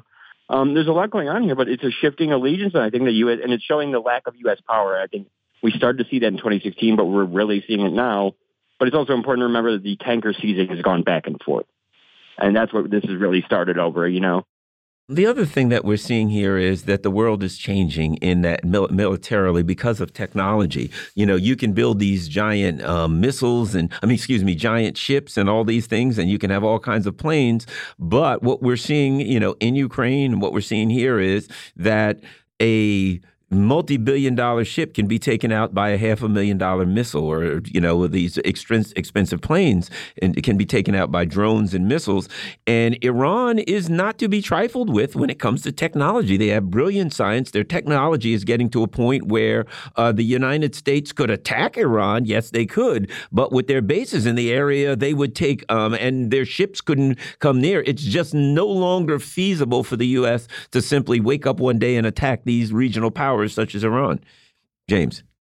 Yeah, exactly. That's the thing. This is a North Korea type of scenario where you can't just jump in on it because, like I said, I mean, Iran has had since 1979 to figure out unconventional ways to do things, whether that's, you know, standard old conventional warfare or new technological warfare. They've had time to think around these things. They have other partners. And now I think you see this, you know, the soft power of China in the region where even regional uh, adversaries don't want to jump in a war with the United States because they know to lead to instability with Chinese investment. So I think you're just seeing that, yeah, there is no global hegemon anymore. That's the, the thing. And the fact that we can't even control the Gulf waters, you know, which we've locked down since World War II, shows how weak we've really become when even, you know, the UAE is backing out of deals with us. And, uh, you know, Iran and Saudi Arabia are talking to some extent now. They're looking at denormalization. Um, like I said, China's soft power is going to play a huge part in this. But yeah, the U.S. military cannot project power as it is. I mean, the Navy's begging them not to make more aircraft carriers, but they still do it, you know? So I think that the U.S. just, because of our military industrial complex, we can't think on our feet like that either. We don't have the ability. I think that's going to be the issue going forward is people want to sell these old Cold War weapons like to Ukraine and things like that, you know, these missile systems that just mount on the ground, you point them at Russia, but that's not going to be the case in the future because warfare is changing, and we, I think the embedded interests here in the U.S. are the problem. The Libertarian Institute has a piece entitled U.S. and Taliban official meet. Washington slams Kabul over human rights. Uh, U.S. officials met with Taliban diplomats in Qatar for two days of talks. The discussions come as Washington's economic war in Kabul has caused severe suffering for the Afghan people two years after the end of the U.S. military occupation. And the U.S. is slamming them over human rights. Human rights seems to be the the bludgeon of choice by the convenient bludgeon of choice that the United States thinks it can pull out uh, as it's trying to impose its will internationally, and it's the it's the cover that it that, or the cloak that it uses uh, to impose its will. Yeah, anyway, this is the you know the economic warfare is the one thing we do have left, I suppose. Um, you know that's what's going on with Iran. This is all started over sanctions and oil sanctions, and you see it for Afghanistan is much more different case. I mean, who did they think they were making the peace treaty with, if not the Taliban? This was going to happen, um, but that doesn't give the U.S. the right to you know steal the assets we did. I mean, you had Prime Minister Ashraf Ghani fleeing with a bunch of money in suitcases, if we remember when we left Afghanistan. So the fact is the U.S. has taken a bunch of resources from this country over 20 years, and they're not giving them back. They're not letting these people use them. And who's suffering? But who always suffers from you know type of financial warfare from this? The regular people. It's people who aren't getting aid, who aren't getting you know. There's no money in the Afghan treasury because we've frozen it all. So I think that you know foolish for the U.S. to try and push though, because what what leverage do we have? What are we going to do? Reinvade? Um, and human rights are always going to be the call. That's all we can do is try and sanction people more and make them participate in the global market. But Afghanistan's never participated in the global market. So what do they care? And, and we also read U.S. officials express grave concern uh, to uh, to Afghanistan regarding detentions, media crackdowns. Well, wait a minute. Uh, uh, uh, Julian Assange. So we're doing so. That's another thing I think that's happening now. That people in the world are pointing to the U.S. saying, "You're talking about human rights. You're talking about all of this stuff." And look at Julian Assange. Look at you know oh, the people that you support around the world that are gross violators of human rights. They're starting to point out that the U.S. is hypocritical when it comes to these things and the contradictions. James. Yeah, and I think now there's there's powers with weight to say it, right? I mean, Russia was always pointing these things out at Security Council meetings and things like that, but now there's China, our major trade partner, likes to point these things out, like they pointed out the illegal stay in Syria and things like that. Um, people don't believe it when these countries, you know, you're trying to punish over human rights. Can they find other ways to do things? They find other partners to work with, and the U.S. flips out and they suddenly don't care about the human rights anymore. Now it's sanctions, and you guys can starve and while they're talking on one side of their mouth about human rights with the Taliban, I mean, they're the ones facilitating most of the suffering in Afghanistan at this point. So it's foolish to think, you know, the U.S. doesn't cause the majority of the suffering in the countries it interferes in, which is most of the world. Well, and to that point, this piece uh, reports during the talks, American and Taliban officials also discussed the Afghan economy. The Taliban press release stressed the need for Washington to lift sanctions and unfreeze Afghan central bank funds. And whether it's Afghanistan, whether it's Venezuela, whether it's Iran, the United States goes in, sees it, even Russia, seizing their their sovereign wealth funds or seizing uh, Venezuelan gold that's being held in in in London banks and now we want to talk about, oh, we need to work together. Oh, we need to find ways to move forward. Well, just give me my money back and we might be able to talk. Right. And, well, yeah, where'd all that money go that was poured into re economic redevelopment? You know, it was spent on guarding poppy fields and kind of went to people who didn't exist and went to projects that never happened and paid for a million Mayor Petes to run around doing their consulting. But the thing is, we've had a chance to fix Afghan the Afghan economy, and now it's their turn to use their resources to do so. So, it, you know, it's not an unreasonable demand to add, tell them end the sanctions. The U.S. should end the sanctions, but yeah, this is what we do everywhere. Is if you if we because we can't project power, if you don't play ball, we'll just wreck the court. You know, we'll destroy the whole stadium. Who cares? Because it's at the end of the day, we think we're still the number one economic power, but I'd say we rival that now, and we depend on the other economic powers. So we're in a tight spot here, and I don't think a lot of U.S. planners realize that. Uh, Mondoweiss reports another North American church names Israeli Apartheid. The Christian Church, Disciples of Christ, has declared that many of the laws, policies, and practices of the State of Israel meet the definition of apartheid as defined in international law. And here's the thing about it: with the you know the Israeli people finally got what they wanted. They wanted a government of extremists, of Smotrich, and these people. They got they voted them in. They got what they wanted. But now the world can see Israel for what it is, and the world is bit by by bit, having no alternative but to point at something and saying that thing is what it appears to be. James Carey. Yeah, I think the thing is that Israel's not getting what they want fast enough. So you're seeing them become much more violent. And as that's going on, you know, the U.S., which is always this is the oh, this is the only democracy in the Middle East. They have a pride parade. As the U.S. talks about Israeli human rights and everything like that, it's getting harder to talk out that side of your mouth. You know, we might talk. We just talked about human rights in Afghanistan, but now that they're cracking down, you know, they're making it legal to segregate neighborhoods. They're putting civil authority in charge of some of the um, settlements in the in the West Bank. You know, Israel's expanding their power. They're overturning the, the power of the Supreme Court. Uh, they're doing this out of desperation too, because the Imperial Project hasn't gone as well as they'd hoped. And as you see them get more violent, you know, this is the original. Yeah, this is the original goal of Zionism. But you're seeing Americans sort of react negatively, like this church. The fact that this church is a sort of liberal church. It probably didn't say anything for a while because you know you don't want to make some congregants mad. They're kind of a wishy-washy Protestantism. But the thing is, is like eventually you have to say something. Even Thomas Friedman's calling out Israel for human rights abuses at this point, which is wild. You know, you got New York Times columns doing it. Um, I think that the U.S. is just we're getting we're finally seeing what it takes to actually carry out an imperial like settler settler colonialist project. And Israel is, was always going to come to this violence. It was just a matter of how fast, I think. And along those same lines, Israel expanded an apartheid law last week. No one is talking about it. Israel broadened a racist law that allows communities to exclude non Jews based on social and cultural cohesion, whereas judicial overhaul laws have caused an uproar. We got about a minute and a half. Your thoughts? Yeah, I'll just say, you know, it's more of an effort to, if the Palestinians won't die fast enough, the Israelis are just going to make sure they have nowhere to live and they can't live. You know, it's shutting off water. It's putting new settlements in illegally in the West Bank. It's making Gaza, you know, shut off from the whole world. And now it's even inside of Israel, if you're a Palestinian, you're going to be discriminated on at on where you can live as far as housing goes with these new laws. Um, obviously, they're going to say they say anybody's a terrorist anyway, whether it's a journalist or a medic. So what are they going to say when you know they go to rate your social credit or whatever dystopian system they may have? You know, uh, when they go to do such, what are they going to base it on besides what the Mossad or whatever Israeli security agency says? So I think it's just if they can't let the if they can't kill the Palestinians, they'll just make sure they can't live. James Carey, as always, thank you so much for your time. Greatly, greatly appreciate that analysis, and we look forward to having you back. All right, thank you. Folks, you're listening to the Critical Hour on Radio Sputnik. I'm Wilmer Leon, joined here by my co host, Garland Nixon. There's more on the other side. Stay tuned.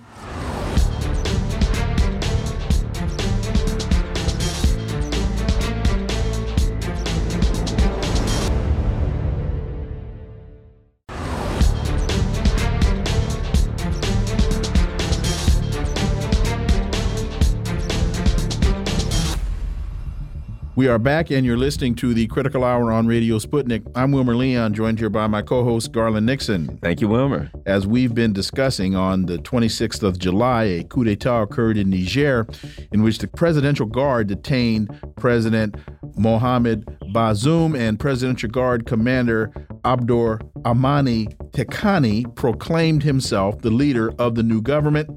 For insight into this, let's turn to our next guest. He's an independent journalist, author, and political analyst and reporter for RT, Caleb Maupin. As always, Caleb, welcome back. Sure, glad to be here as always. Andrew Korybko writes in Orinoco Tribune what President Traore just did was break the taboo of patriotic military coups by taking advantage of the global attention afforded to the second Russia Africa summit to explain why these sorts of regime changes are required to save their countries from Western backed terrorism when all else fails. Your thoughts, Caleb Maupin? Well, it's very interesting because we're seeing kind of a flip.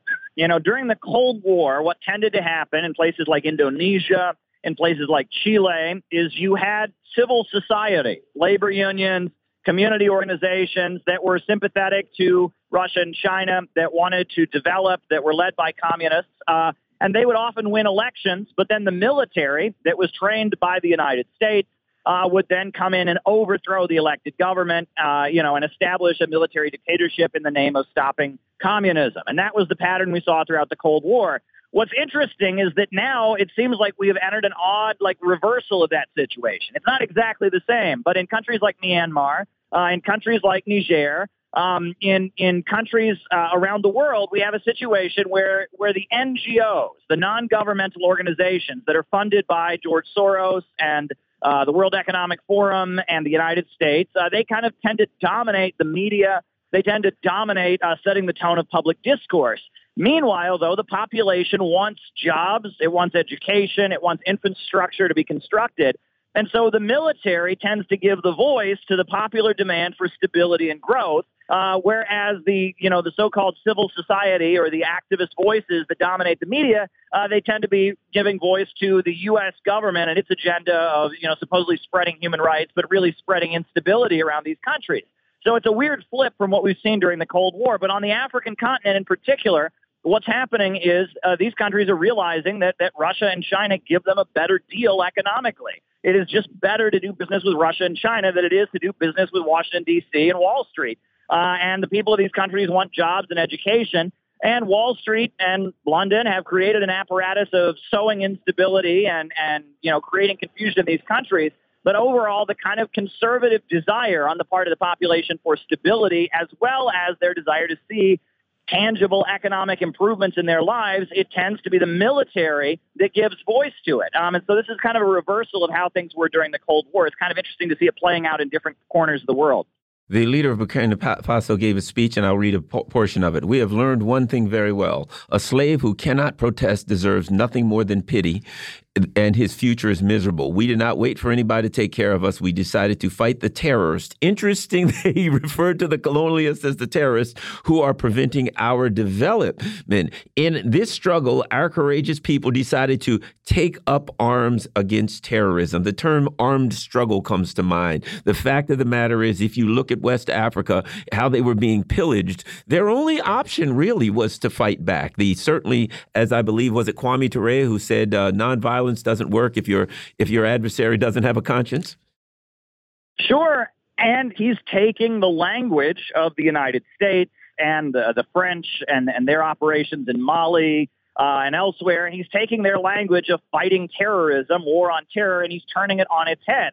And let's not remember, let's not forget that after 9/11, uh, you know, after you know it was reported, you know, 9/11 happened, and it was largely considered to be Al Qaeda and Osama bin Laden who were to blame. Russia immediately spoke up and said, well, we've been fighting these people for years. We'll help you, America. Gaddafi spoke up. Assad spoke up. Uh, you know, Cuba, Saddam Hussein's Iraq, they all said, we've been fighting Al Qaeda for years. So, you know, you want us to fight terrorism? We're, we're with you. Let's do it. And the United States kind of, uh, you know, you know, turned, turned the other cheek uh, and, and turned away from them, I guess you could say. And then you'll notice that since then, the so-called war on terror by the U.S. government has not been focused on fighting terrorist groups like Al Qaeda. It's rather been focused on overthrowing the very governments uh, that have been holding those groups back, whether it be in Iraq, whether it be in Libya, whether it be in Syria, uh, or et cetera. So this kind of situation where you know you, you have an African leader uh, taking control of his country in the name of stability and saying we are fighting against terrorism. That is the language he's using. He's co-opting kind of language of the United States and pointing to the hypocrisy there. And a lot of the terrorism on the African continent uh, is is linked, many people believe, to the United States and to its allies and their destabilization policies. You know, uh, Boko Haram, which now refers to itself as ISIS in Africa. Uh, you know, Boko Haram, many people pointed out that uh, the lower levels of the Nigerian government seem to be backing them and that Boko Haram, there was there was kind of a you know some kind of level covert support from the U.S. backed Nigerian government to Boko Haram, at least on a local level. And it seemed like the instability in Nigeria was benefiting the United States because it was keeping this African country from developing. It was making them dep- dependent on the United States for military protection. It was keeping them from, you know, having the stability and, and teaming up with China to have growth. And there's a feeling on the African continent that a lot of the terrorism uh, and a lot of the instability, a lot of the ethnic conflicts, uh, et cetera, are to blame on the Western powers that want to hold back economic development. So it's very interesting to see how he's using the language of the war on terror to justify, you know, an anti-imperialist move um, that's really trying to offer stability and development to the people of, of the African continent. The Economic Community of West African States, ECOWAS, is meeting today, and I think for the next two days uh, over this issue in Niger.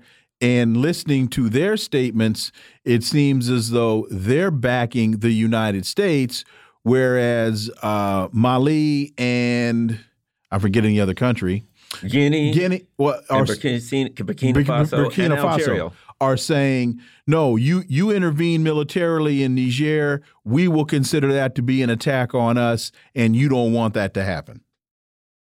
Sure. Well, it is important to note that Russia is calling for the return to constitutional government uh, as soon as possible, and that while these forces that have taken power in Niger are friendly to Russia, Russia is not, you know, endorsing uh, their military seizure of power and is making a point of belief, saying that they believe in elected government, they believe in constitutionality, And that's important to point out as well that, you know, that Russia is not, you know, you know, just applauding just because someone takes power and uh, militarily and overturns the constitutional order and is sympathetic to them. They're not applauding it, right? And they would prefer that things be done in a peaceful, democratic manner. Um, but at the same time, there are contending forces on the African continent. Uh, the bloc aligned with Russia and China uh, wants development. Uh, the United States is sowing instability, and that is the context that we have to understand uh, this military takeover in Niger taking place in. Uh, and now we see the region polarizing about what to do about it. Right now, now the, the question is, you know, if there is some kind of military intervention, this is very dangerous. And again, this is probably why Russia is not ready to full on endorse uh, the people that took power there. If there's a full on intervention with different African countries lining up on different sides, that could, you know, spew instability throughout the African continent. That could that could increase if you had like war basically on the African continent with some countries aligning with Russia and China and some countries aligning with the United States. That wouldn't be in anyone's interest, right? You know, a peaceful outcome to this whole situation is desirable to all parties. Um, perhaps not for you know Wall Street and London, but at the end of the day, everyone on the African continent and Russia and China and people doing business on the African continent would all benefit from you know a, a peaceful resolution of the tensions there. And I think that's really important to point out. And to that point, uh, Caleb, I think that the, the point you're just making also validates the fact that China and Russia are focused on economics and war is bad for business. So I think it, it can come down to that to that very simple reality, which shows that no, uh, Russia's not trying to reinsert or reinstate the Soviet Union. China is not trying to take over the world militarily. This is economics. And as they said in The Godfather, murder is bad for business. We really want to try to limit as much of that as we can. I think you're absolutely right. And that, uh, that you know, I mean, Russia and China believe in peace through economic development, peace through raising people out of poverty, eliminating the, the menace of terrorism, and eliminating the menace of narcotics gangs by giving people economic opportunity, by giving people the stability that comes with having jobs and healthcare and education. Uh, that is their kind of vision. Whereas the United States, I, I think it's pretty clear if you read the writings of Anne Marie Slaughter, who served in the Hillary Clinton State Department, uh, they believe that permanent instability uh, is the way to carry out their vision of spreading what they call the open international system and the open market across the planet. Uh, and they think that, that people rising up and revolting, and they put it in language that sounds very left wing almost, sounds like Trotsky and the theory of permanent revolution. But at the end of the day, the way to maintain dominance by Wall Street and London over the world is to sow permanent instability and chaos. And I think that most of the world doesn't want that, and most of the world would prefer the economic stability that Russia and China are offering. Former president of Bolivia, Evo Morales, uh, talk, spoke at the Congress of the New Epoch in Bo the Bolivar Theater in Caracas, and he said capitalism does not want the people in politics, as uh, as uh, Nicolas Maduro and his people are uh, celebrating a decade continuing Chavez socialist and anti-imperialist struggle. Your thoughts? Well, you know, Hugo Chavez uh, was a very interesting case, right? You're, you're talking about the anniversary uh, of some of the, the pivotal moments in Hugo Chavez leadership of Venezuela. Uh, Hugo Chavez came into office. He said he was for neither capitalism or socialism. He was just for what, whatever was best for Venezuela. Uh, he took office, and the United States tried to overthrow him. Uh, he was kidnapped, and and then the rank and file soldiers, the lower levels of the military, rose up and supported him. He was rescued from his kidnappers, and he was brought back into office.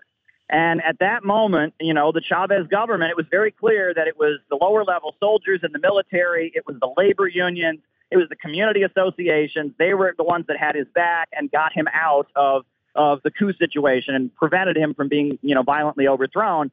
Um, and at that point, the Chavez administration took a dramatic swerve to the left. And, you know, they started bringing in Cuban doctors to provide medical care and for poor communities in Venezuela. And then from there, uh, you also had a situation where he started referring to Venezuela as moving toward what he called socialism of the 21st century. Um, and the television program, we can't, you know, you, you have to pay important attention to these little things, right? You might think this is just inconsequential, but it's actually quite important the fact that he did this TV show every Sunday, he was on TV taking calls from ordinary citizens for several hours. He was on TV. People would call in and ask questions. He would read books. you know, he would just read out loud like, you know, Les Miserables and, and Karl Marx and Charles Dickens books to his audience, and that he built this relationship with the Venezuelan people by being their president who had a call in TV talk show that he was on there every Sunday taking their calls and answering their questions. And uh, you know, it, it, he built a relationship with the population where they had his back. And then it also came with tangible economic results in the form of economic development and healthcare, wiping out illiteracy in the country. You know, I mean, just bringing in literacy volunteers, wiping out illiteracy. Uh, you know, I mean, building new highways and, and new infrastructure. And that is what has kept the Socialist Party that he created. Uh, that's what's kept them in power since his death. Is that with uh, with delivering tangible economic results, at the same time building a relationship, a deep relationship with the population. Hugo Chavez created a machine that has, yes, suffered since his death, but has remained intact and has not lost power. And I saw that when I visited Venezuela, when I went to the, the communes and the colectivos in central Caracas. I saw that with my own eyes. Those folks are there to the end. You know, okay. there there was a uh, there was a section of the population that had been almost powerless before, mm-hmm. and Chavez had empowered them, and that's why he's still there. That's why Maduro's in power. Caleb Maupin, as always, thank you so much for your time. Greatly, greatly appreciate that analysis, and we look forward to having you back. Always a pleasure. Thank you very much. Folks, you're listening to the Critical Hour on Radio Sputnik. I'm Wilmer Leon. I'm joined here by my co host, Garland Nixon. There's more on the other side. Stay tuned.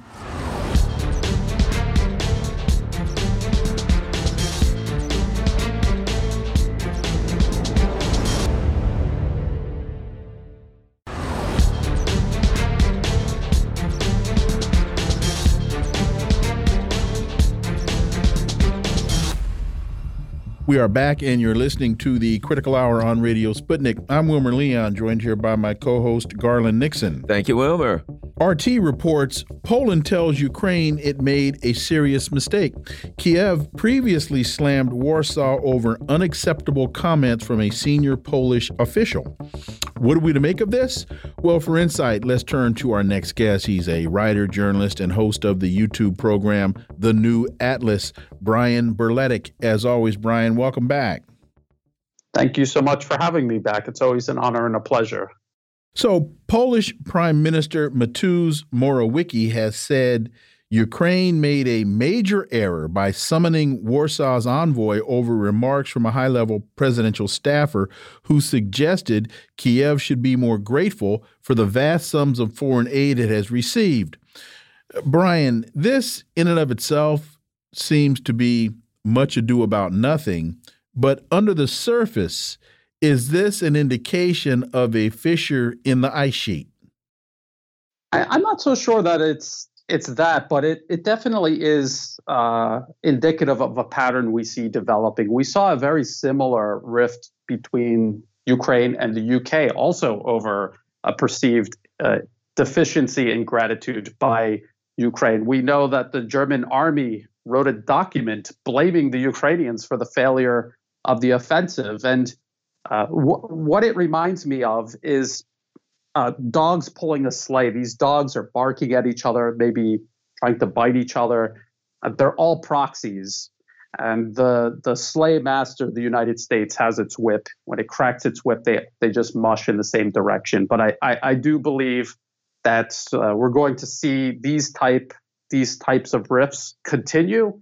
And as things get worse, I think they will begin to escalate. And Brian, the other thing I think it's interesting that it is between Poland and Ukraine because there is a historical context to the dis current disputes between those two countries. In that, you know, the Ukrainian, the same Ukrainian um, ultra nationalist who did all kinds of unthinkable acts as they collaborated with the Nazis, also slaughtered Poles, and to this day they have, shall we say, great disdain for those of the Polish ethnicity. And there are people in Poland who are making that point. So there, there, there's certainly a potential for further problems between those two countries. Well, let me let me add to that before you respond, Brian Garland. Poland's talking about taking Western Ukraine, and Russia has said, "Well, if you want Rus eh, West, yeah, you can have it. Just don't uh, come into Belarus. Then you're gonna have a fight on your hands." So I think you, I think we need to add that element to the conversation, not only the historical, but now the current conversation. I think that does factor into it. I, I also think that the populations in both countries see their governments pursuing a course that do not serve their their collective best interests. Uh, they are doing all of this on behalf of Washington at the cost of the populations of both Poland and, and very obviously Ukraine. So when you put all of these different pieces together, it really does seem like yet another aspect of this entire proxy war the U.S. is waging against Russia and Ukraine that, that makes this all so much more unsustainable. Politico has an interesting piece Ukraine's plan if Russia assassinates Zelensky. A Russian assassination would deprive Ukraine's war effort of one of its most valued assets. Uh, when Volodymyr, Zelensky was asked whether he was worried by Russian attempts to kill him, he answered he couldn't afford to be. Quote, if I were thinking about it constantly, I would just shut myself down, very much like Putin now who doesn't leave his bunker, end quote. Of course, my bodyguards should think how to prevent this from happening, and and this is their task. I don't think about it. Brian, this this is to me analogous to the United States talking about what are we going to do if China invades Taiwan. China's not talking about invading Taiwan. That seems to be a creation in the warped mind of the uh, Western elite. As I understand it, there's a very clear stated Russian policy that Russia does not assassinate foreign leaders. I haven't heard anybody in Russia talking about assassinating Zelensky. He needs to be more concerned about the Nazis in the West than he needs to be concerned about Vladimir Putin. Brian Berletic. Uh, yeah, yes, you're you're taking the words uh, right out of my mouth. Uh, that that is that is exactly what this all seems to be. I I found this article very disturbing. Not not again not because this indicated that Russia is interested in assassinating uh, the president of Ukraine. Russia has made it very clear that they understand the president of Ukraine, the government of Ukraine, is not in charge of what Ukraine does. It is a client regime. It has been since 2014, regardless of who occupied what office. They are fully aware that decisions are being made in Washington, in London, and in Brussels. Uh, so they are not the ones that will will assassinate the the leader of Ukraine. It's going to be the the United States and its allies growing tired of a proxy that may not be as compliant, as obedient, or as efficient as they like, and maybe they maybe they see uh, a need for some change. Well, and let me let me add one more thing when Politico starts publishing articles about the possibility of your assassination, somebody's talking about you getting assassinated. And so it might be, I don't know, Elliott Abrams and and uh and what's her name that from the from the Maidan coup?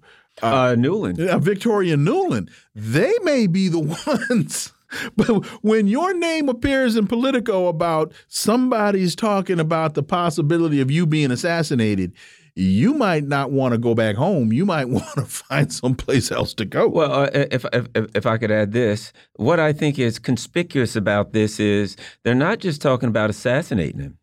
They're talking about the plan mm -hmm. should something happen to him. You know, if Garland was to disappear, we'd be okay because next we do this. If I'm the person and they're saying if something happened to this person, we already have a plan have a plan, I think that sheds a different light shines a different light on it, Brian. Yes, and if you read this whole article, that is the whole tone of the article. it, it wouldn't matter. It would make absolutely no difference uh, it's Ukraine is more than just the president, more than just uh, the the top people in the government. So it, it really does sound like something uh, very suspicious is brewing here. And I think people should keep a very close eye, uh, not on Moscow, but on, right, yeah. again Washington, if, London, if the, Brussels. If the wink, wink, wink, Russians should kill him.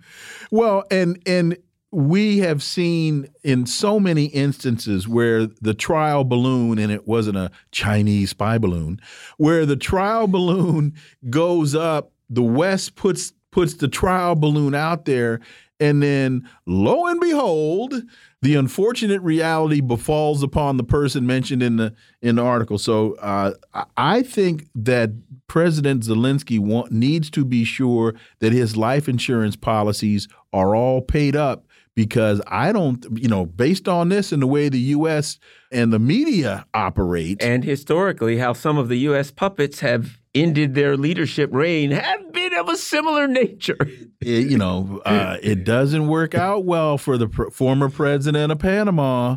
Uh, who wound up Saddam Hussein, which was our guy. Osama bin Laden was our guy. And and and and we also the the the quote attributable to Henry Kissinger uh, it's not good to be an enemy of the United States, but it is fatal to be an ally. Brian. Absolutely. I, I, I think uh, people need to look very closely at how everything has transpired, especially regarding this most recent offensive, how things are falling apart and how they are looking for scapegoats. They are looking for uh, some sort of drastic measure to uh, renew this, this effort, this proxy war against Russia, and I, I think they may be thinking about uh, renewing the leadership of Ukraine as well. well. Let me let me give you another another possibility to consider. What if they have decided that this is their off ramp? If we off, yeah, exactly. If we and off Zelensky, we blame Russia, and then we we we we we throw up our hands and run around screaming "Goal! Goal! Goal!" Game over. Maybe uh, I, I, don't know that the tone of the article was was was so insistent that Ukraine would be just fine. It seems like they it's almost as if they made the decision and they're just trying to warm the public up to the possibility, okay. get, get them ready.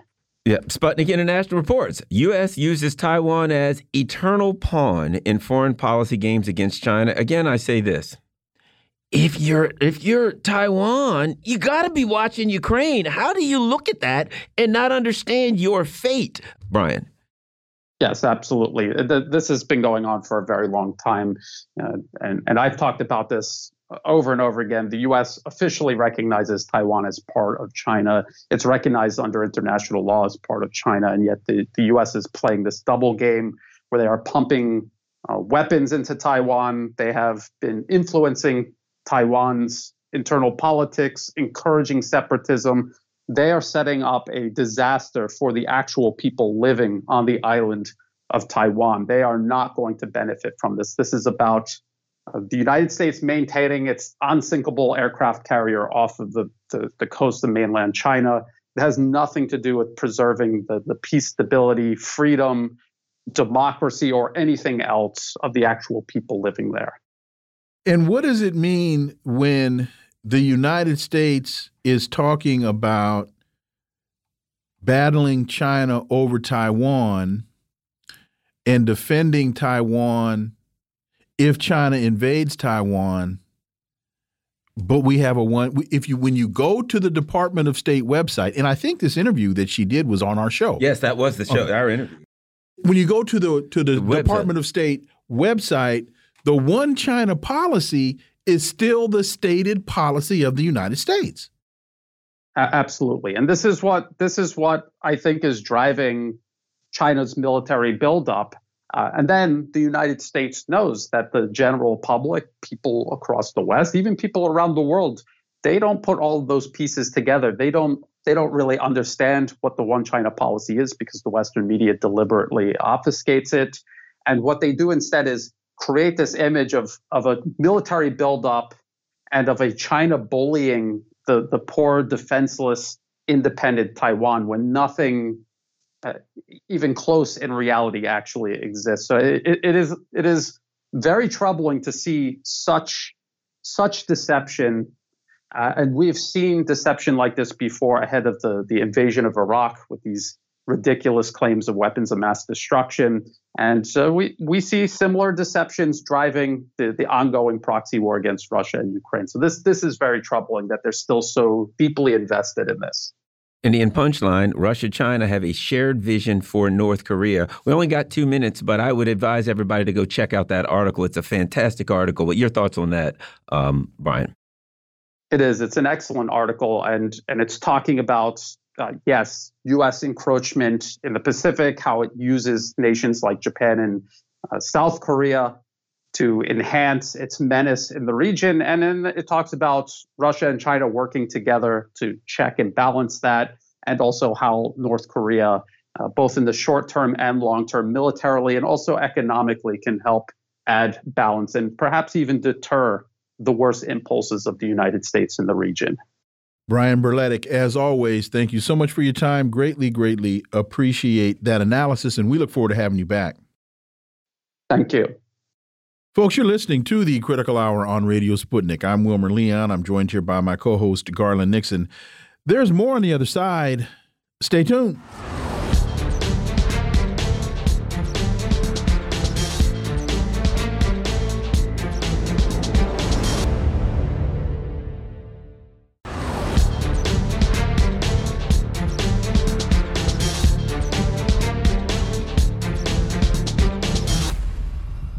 We are back, and you're listening to the Critical Hour on Radio Sputnik. I'm Wilmer Leon, joined here by my co host, Garland Nixon. Thank you, Wilmer.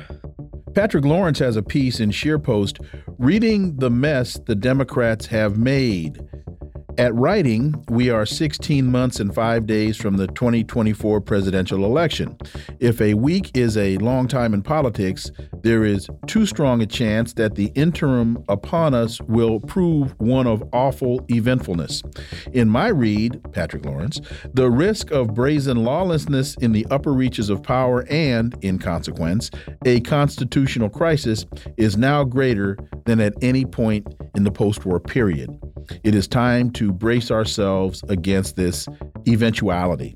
For insight into this, let's turn to our next guest. He's an independent investigative journalist and author of three books The Frozen Republic, The Velvet Coup, and America's Undeclared War, Daniel Lazare. Dan, as always, welcome back. Thanks for having me. So, Patrick Lawrence continues Is there any other plausible conclusion as things now stand? I do not see one. Two reasons. One, the Democrats have emerged since Hillary Clinton's defeat in 2016 as a party of liberal authoritarians intent on imposing their political hegemony on our republic by whatever means this project requires. The second of these, Biden's failing mental condition, makes the first of these, the culture of authoritarian righteousness in the Democratic mainstream, very perilous. Your thoughts, Daniel Lazare. I agree entirely. I mean, uh, uh, next year could be the year of four four criminal trials and one impeachment. Uh, Donald Trump will be the defendant to the four trials, and and uh, and Joe Biden could very well wind up being impeached. Um, uh, and that, constitutionally speaking, that is com- completely unknown territory. We have no idea how it'll work. I mean, what's going to happen is uh, is um, is Donald Trump going to going to denounce uh, you know the Biden administration on, on one hand and, and and for for weaponizing the criminal justice system on one day, and then the next day sit meekly in court while prosecutors accuse him of subverting the Constitution.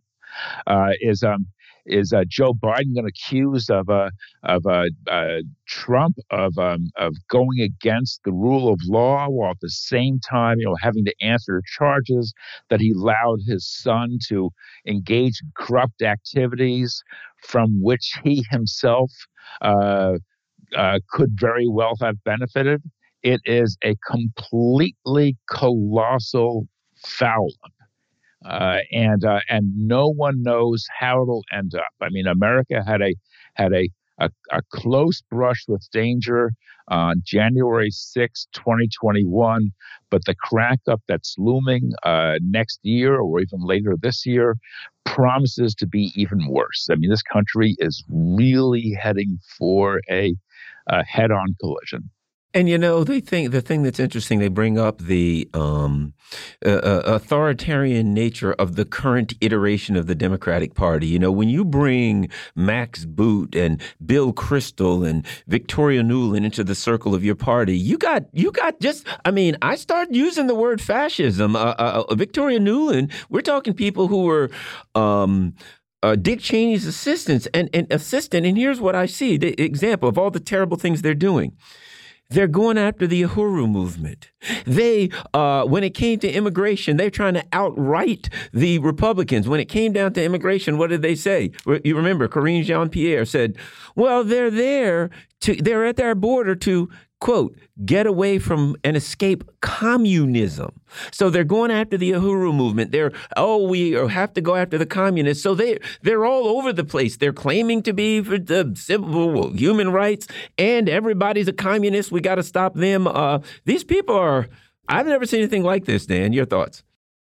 Well, I, I, think the Biden administration is really just com- completely uh, hopping the rails. I, I, think that I think the first thing is that the uh, is that the war in the Ukraine is going extremely poorly. Uh, the the administration was counting on a breakthrough counteroffensive that is not happening. Clearly, uh, the um, the the the Ukrainians are barely able to advance at all. Uh, the offensive is clearly going nowhere, uh, and which means the war will drag on, you know, for another year probably. Uh, and uh, and conceivably could end in military disaster. Um, the economy is looking shaky. Uh, uh, yesterday's decision by Fitch Ratings to downgrade the U.S. Uh, the U.S. credit rating was a big shock, uh, but shows how how basically shaky things are underneath. Um, the, I think Biden is in, serious trouble regarding uh, his son's activities, uh, and I think he could pay wind up paying an enormous price, and he himself seems to go grow uh, physically frailer by the week, which raises the question of, as to whether he'll even be able to run in 2024. And if he's unable, what on earth will, will the Democrats do instead? They ha- simply have no backbench, and everyone recognizes that a Kamala Harris would be a disaster on the campaign trail. And uh, Patrick Lawrence writes on the domestic side, it is one bit of tomfoolery after another with these people. We are now treated to the notion of Bidenomics. Not even Biden knows what Bidenomics is supposed to be about. Uh, so they just can. They are. They are uh, amidst this downgrade in the in the U.S. bond rating. But I guess Dan Bidenomics is supposed to keep us all afloat. Well, I mean, you know, you know, if you if you're in New York and you see the scenes in Midtown where the hundreds of migrants are camped out on the sidewalk, and you see the the the, the thousands of homeless people uh, uh, on the streets, and the um, and the and you see also the the the fantastic, fantastically soaring uh, rents and real, real estate prices. So that housing distress is now widespread in the working population. It doesn't seem that Bidenomics is really working very well at all. You know, something, let me ask you a, a, comment on this. I know you've been following what's happening in Niger. What we've been seeing is it, throughout West Africa, increasingly these um, anti Western coups. Some of these coups would happen, we'd report, oh, the next thing you know, it's an anti Western coup, and the new government says, out with the French. Now we have Burkina Faso Algeria, uh, Guinea, and uh, another one, uh, Mali, all saying, "Well, if you attack Niger, then that you know we're gonna we're gonna have to act and we're gonna fight with them." So you have a, the the potential for really an anti-colonialist, anti-Western war in. West Africa, as I might add, a number of the forces that are coming to power are quite revolutionary, and they could see see a, some kind of a pink tide starting to beginning to um, arise in West Africa. So they're, the the Biden administration's African Cold War moves seem to be backfiring. Dan. Well, yeah, these uh, and these activities are are a godsend for uh, for um, for uh, uh, Yevgeny Prigozhin and his uh, Wagner uh, brigade. Uh, yeah, things are falling apart really fast, and the uh, and the reaction to the uh, ECOWAS uh, threat of, of invading uh, seems to be a, a, a a counter threat of a general all out war throughout the region, uh, which would be a disaster for all concerned, but especially a disaster for the U.S. So the U.S. is, is losing its grip on Africa. Uh, it's doing poorly in the Ukraine. Uh, it's facing stiff opposition in Latin America. In Brazil, especially, uh, and so it's it's it's really on the defensive, and um, it, it, I, I just I think the Biden administration is really wavering badly, and of course, then there are the polls which show Biden and Trump running neck and neck. Even though Trump is now, you know, is now has has already facing three criminal indictments and maybe facing a, a fourth indictment, but his his popularity is undimmed, which is absolutely mind blowing. Actually, I'll say it isn't. Wilmer predicted it right here on this radio show. As soon as they charged him, Wilmer said, the people that support Trump, the numbers are going to grow. That as they Wilmer said the first day, and I was like, ah, was oh no. So I got to say, while a lot of us are surprised, there's one person sitting next to me that uh, that saw it coming. Well, thank you, Garland. I, I, I sent my crystal ball to the same uh, to the same place to get it fixed. That Hunter Biden took his laptop right. Well, I, I, I, I, think Wil- Wilmer can often be often be quite uh, mind blowing. But in any case, I don't uh, I don't know that that was a compliment, but okay, thank you. it was intended as such. Anyway, but the uh, but the um, but yeah, but I, but I think this is really all quite extraordinary, and it shows a deep and growing instability. Uh, and and and you know and and I just can't see Bob. I can't see Biden hobbling through this mess. Uh, I mean, the whole, things are caving in on him, and uh, and I think he's going to go under. And Patrick Lawrence writes The Hunter Biden affair, growing like a grotesque weed as we speak, could now prove to be Biden's greatest vulnerability, and so the Democratic Party's. Do you see the Donald Trump latest indictment as being a distraction, whether intended or not, away from Hunter Biden's problems and Joe Biden's growing problems, do you think the mainstream media is using it as such, or uh, is is is this is the is the is the significance of the Hunter Biden issue going to find its place in the in the American psyche? The latter. Uh, there, and I think it's so for several reasons. Number one, Biden couldn't have been more emphatic when he said he never discussed his son's business affairs. Mm-hmm. He said it repeatedly. He said it angrily. He said it clearly. You know, and and there was he he said it in a way that left no doubt as to what his recollection was. Well, it turns out that he was on the speakerphone with his son's business partners at least twenty, 20 or more times, times. Right. And and and even if the you know, and, they, and the Democrats say he was merely discussing the weather, which is ridiculous, but clearly, clearly clearly Hunter was using his father in order to to show his clients the, the kind of top notch access he had. And it, it, and it just is impossible to imagine that, that Joe Biden wasn't aware of this, number one. And that even leaves aside the question is whether about, about the 10% set aside for the big guy or the $5 million that uh, Mykola Zlochevsky says he paid to, uh, to both Hunter and Joe. Um, secondly, this is the kind of activity that every that is rampant in Washington. Washington is filled with insiders making money off of politics. It's as the country, rest of the country, goes downhill. So these insiders in Washington are making money hand over fist, which I find absolutely outrageous, and I think that the electorate does too. Um, uh, and then thirdly, you sort of wonder, you know, you know, it seems that you know America was supposed to help the Ukraine, but now the Ukraine is dragging the U.S. under. I mean, everything that's happened in the last five years has involved the Ukraine. I mean, it, the Ukraine is why Donald Trump was impeached. The Ukraine is why you know, uh, Joe Biden may be impeached. Joe Biden was supposed to be uh, fighting corruption in, the in the Ukraine. In fact, Joe, uh, in fact, uh, Barack Obama made the then vice president his point man when it came to anti-corruption in that country. But what was he doing?